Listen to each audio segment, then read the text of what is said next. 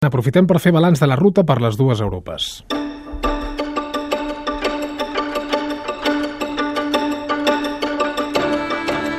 Frankfurt, una ciutat de negocis i de bancs, és el símbol de l'Alemanya que tenim avui en ment. L'Alemanya A Frankfurt, Alemanya, acabava divendres la ruta del nord, que va passar també per Holanda, Polònia, Estònia i Finlàndia. Arribar a Atenes, sortir del metro Monastiraki a la falda de l'Acròpoli... A Atenes, Grècia, acabava la ruta del sud, amb aturades també a Portugal, Itàlia, Croàcia i Bulgària. Contrast d'itineraris gairebé contraposats que ens han servit per comprovar que sí, que efectivament hi ha dues Europes com a mínim que el malestar amb Europa, amb les institucions i amb els polítics és global i que a banda de tot això, ni tot el nord ni tot el sud són iguals.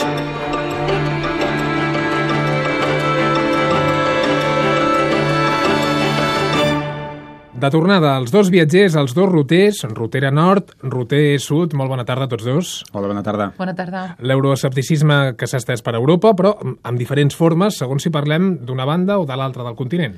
Sí, aquesta és una de les conclusions, jo penso, més importants d'aquesta ruta que hem fet aquests dies.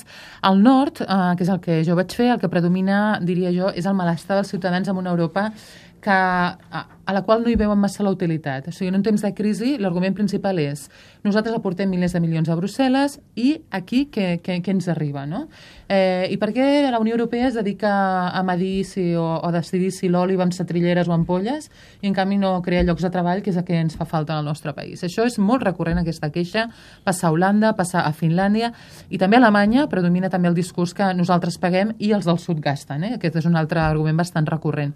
En canvi, a l'est, és a dir, a mesura que ens movem pel nord, però més cap a l'est, a països que van viure sota ocupació soviètica, i això marca una gran diferència entre, diguem, hi ha dos subblocs del nord, eh, allà la percepció és molt diferent, és molt menys crítica, entre altres, perquè la Unió Europea, per eh, la majoria de la població, eh, es, es veu com un refugi, econòmic, de seguretat i com la garantia d'acostament a un model de vida que la majoria de la població vol, que és el model de vida occidental. Això al nord, al sud? Als països del sud hi ha sobretot una falta evident d'empatia, eh? falta de sentiment d'identitat eh, europeu amb, amb les accions que es prenen des de, des de Brussel·les. Hi ha portuguesos desencisats, hi ha, hi ha croats desil·lusionats, eh, tot i que són els que fa menys temps que, que estan dins, dins l'aparell europeu. No?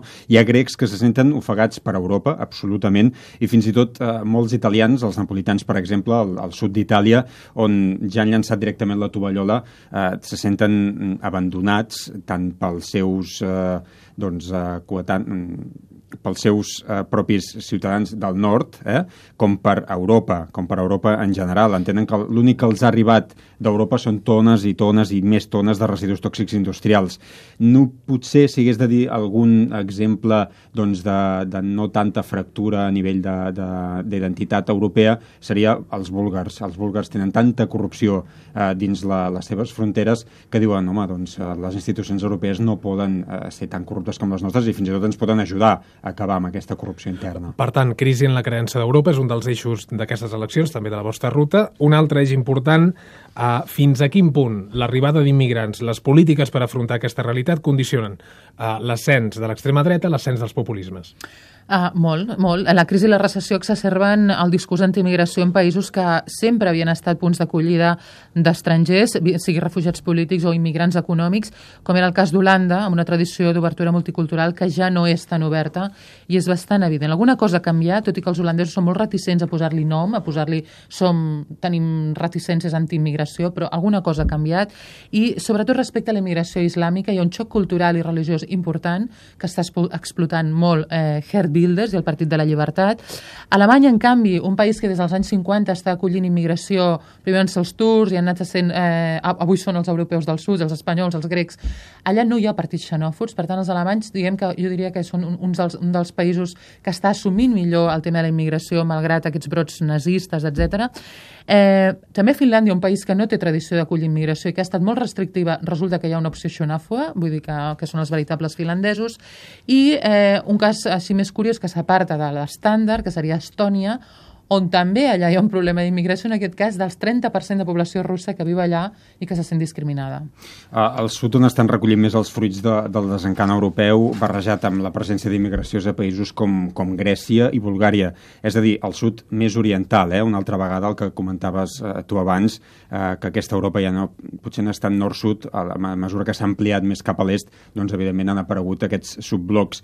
A Grècia i a Bulgària eh, estan rebent, Itàlia banda, és clar, és on estan rebent més fluxos eh, migratoris, amb Turquia, Síria o, o el Líban tan, tan a prop. Aquest flux migratori, aquesta arribada tan massiva d'immigrants, afegit a les ferides de la crisi, eh, a la indignació social, a la ràbia, han fet arrelar, per exemple, els neonazis d'Alba Daurada eh, a Grècia. Seran de nou la tercera força més votada a les europees, segurament, però també s'esperen molt bons resultats en aquest cas a Bulgària, els ultranacionalistes d'Ataca, que mantenen aquest lema de Bulgària pels búlgars i que, curiosament, i tornem a això que cada vegada no hi ha tant sud-nord sud com eh, també est, és que els d'Ataca van començar la seva campanya electoral a Moscou, a Rússia. Balanç, aprenentatges, després de la ruta, ruters, rutera nord, ruter sud, moltes gràcies, bona tarda. Gràcies. Bona tarda.